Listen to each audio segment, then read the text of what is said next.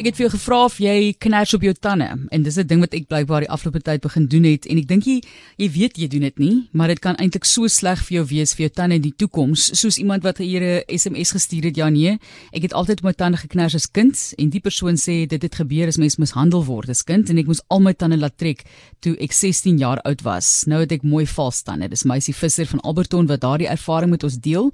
En dit is waaroor ons gesels volgende. En jy weet jy dink ag wat jy kners jou tande dit jou kake is bietjie seer in die oggend, jou nekspiere is bietjie seer, so wat is nou die probleem? Maar dit is iets wat laterand baie groot effek op jou liggaam kan hê. Dr Wim de Beer is 'n rekonstruktiewe tandarts van die Cosmetic and Dental Emporium en ons gesels met hom oor kners. Baie welkom aan jou dokter.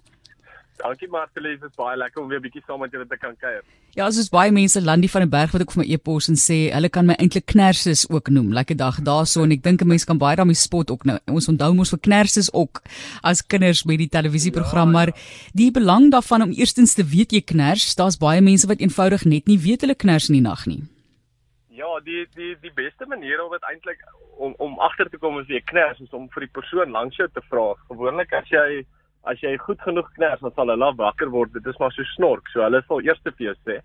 En dan die tweede manier is om natuurlik uh, jaarliks by die tandarts te kan uitkom en ons sal onmiddellik vir jou kan sê of jy kners. Hoekom doen ons dit asseblief dokter? En ek hoor blykbaar hulle sê internasionaal is dit 'n groter en groter probleem want dit word dit is 'n kwessie van stres natuurlik wat mense ervaar. 100% reg. Ek wou eintlik gesê dit is 'n groter pandemie as die koronavirus. Ehm um, ja, dit is maar net in die alledaagse wêreld dink ek meer mense het het het spanning en stres as uh, as ooit tevore. So op hierdie stadium sien ons in ons klinieke dat omtrent elke liewe pasiënt wat inkom het 'n vorm van kners.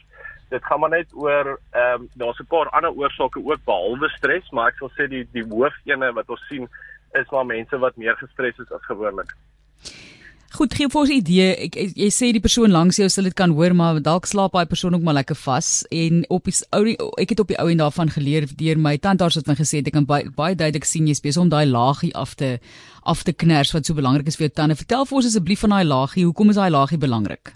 Die laagie wat aan die buitekant van jou tande tand is, is eintlik 'n beskermende laag wat ons noem die emalje. En ehm um, ongelukkig as 'n mens kners dan oorgebruik jy jou tande. En wat dan gebeur is as jy begin daai enamel of die uh, emalje 'n bietjie wegkners. Wat dan gebeur is dan die sensitiewe deel of die sagter deel van jou tand wat aan die binnekant is die dentien word dan um, blootgestel aan die buitewêreld en dit is glad nie gemaak om dit te kan hanteer nie. So dit is dan wanneer jy daai sensitiwiteit be, uh, begin kry. En wat ook gebeur is sodra jy deur die emalje van jou tand gaan en jy bereik die dentien, dan gaan die kners vinniger en jy verloor vinniger tandstruktuur dat jy op die ouene net sulke kort stompetjies hoor het. O, jene. Ja. Dis verskriklik. en die persoon se oplossing, sy sê jy weet sy het 'n baie spesifieke en persoonlike en tragiese, traumatiese ervaring gehad en al die tande moes op die ount getrek word. Ja, dit is ehm um, ek dink dit was meer ehm um, in die verlede was dit 'n opsie, maar dit is ook ehm um, ja, dit is op hierdie stadium in moderne tandheelkunde probeer om so min as moontlik tande uittrek ooit. So uh, gewoonlik meeste van die tyd is kners ehm um, behandel ons eerder met 'n bytplaatjie of ons kyk net hoe erg die skade is aan die tande en dan kan ons altyd met 'n porselein oorlegsel of 'n of 'n porselein kroon eerder die tande regmaak as om alles te trek. Wat ook 'n baie groot afhangende faktor is van die behandeling van kners is ehm um, is is finansies natuurlik. So uh eh, porseleinkrone en hierdie tipe behandelings vir rekonstruktiewe werk is baie duur. So as 'n mens nie die finansies het nie, moet mens ongelukkig kyk na ander oplossings om die pyn te verlig en dit is meeste van die tyd 'n ekstraksie. Ongelukkig. Maar dit is die realiteit waarin ons lewe. En dit is 'n klomp geld soos jy sê, né? Dit is. Ja, en en nie almal het dit nie, veral nou in die tyd van hierdie pandemie waar almal finansies almal se finansies sukkel maar 'n bietjie. So as jy 'n gevorderde kners het, dan is dit ongelukkig 'n duur ding om uit te sort. So die so die belangrikste ding is om regtig om die kners te vang so vinnig as wat jy kan, dat 'n mens uh voorbehoeding kan kan beoefen om nie so 'n gevorderde knersgeval te hê nie. OK, so nou is jy besig om te kners, nou wat nou? Wat kan ons doen by die huis? Wel, die die die home remedies. Ehm um, die die heel eerste ding is uh probeer kafeïne en alkohol in die aande uitsny.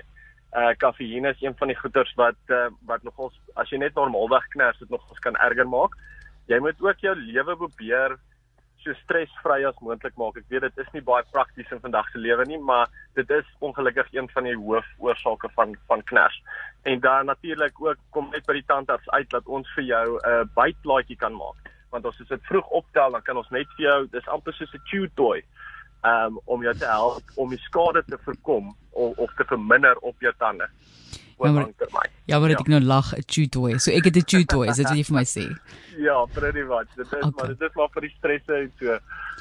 ek moet net sê dit is 'n dit ek moet dit nou maar so stel en ek wil nie vir mense jy weet in 'n verkeerde rigting laat neig hier so nie gebruik dit. Dit is belangrik. Hy sê nou dis belangrik maar dit is 'n ongemaklike ding om mee te slaap. Is daar niks is daar niks anders wat jy kan doen buite dit wat jy gesê het? Wat wat ek op die ou end is daar baie gevalle wat jy nie slaap raak sonder dit want ja. jy vergeet bietjie om dit vroeër in te sit en plus dit is maar iets wat ongemaklik is in die, in die aand en in die oggend.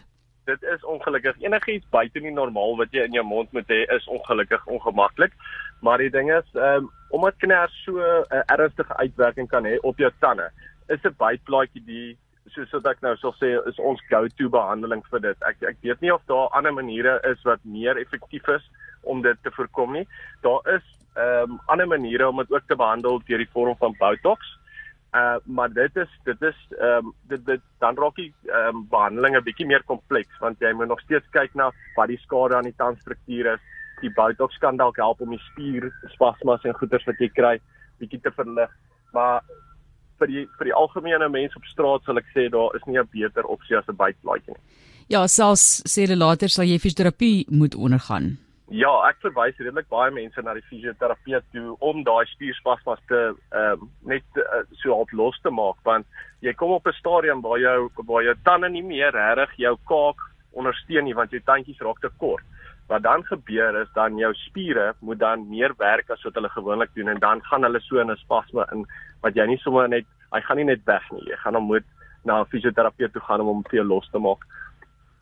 Iemand sê hierso dit is Susan de Beer van Zeres in Noordwes. Oefen vir kners op tande is om saans voor jy slaap jou handpalm onder jou ken te hou en af te druk met die onderkaak vir 30 onderkaak liewer vir 30 sekondes of meer tot die kakebeen moeg voel. So hulle sê dit werk. Is dit 'n goeie idee? Ek dink uh, ja, ek sal ek sal ek sal sê enigiets werk as dit vir jou werk, maar ons uh, ek kan eintlik net 'n opinie gee op die goed wat wat uh, wetenskaplik getoets is. So ek wil eerder nie opinie daar gee nie, maar as dit vir daai persoon werk, definitief doen dit. Ons sê vir jou baie dankie. Mense moet attent wees daarvan as jy nie bewus is daarvan nie. Kyk, daar's baie mense wat hulle tandarts afsprake van elke jaar of hoe dit ook al sê uh jy weet oorgesien het in die afgelope paar jaar weens die pandemie mense is bang om te gaan daai tipe van ding. Maar ons sal spoedig by tandarts moet uitkom in die algemeen. Daar's meer as net dit wat opgetel word deur tandartse met so 'n tipe van roetine ondersoek. So as jy baie keer voel jou nek is styf in die oggend en dis nie omdat jy verkeerd lê nie daai tipe van dinge dan kan 'n mens maar weer daar's 'n moontlikheid neem 100% reg maar Felicia ek dink die, die grootste ding is net om 'n jaarlikse of twee jaarlikse besoek aan jou tandarts te maak en dan sal ons wat ook al enige risiko's wat daar dalk is wat ons vir jou baie moeite kan vorentoe spaar sal ons optel en behandel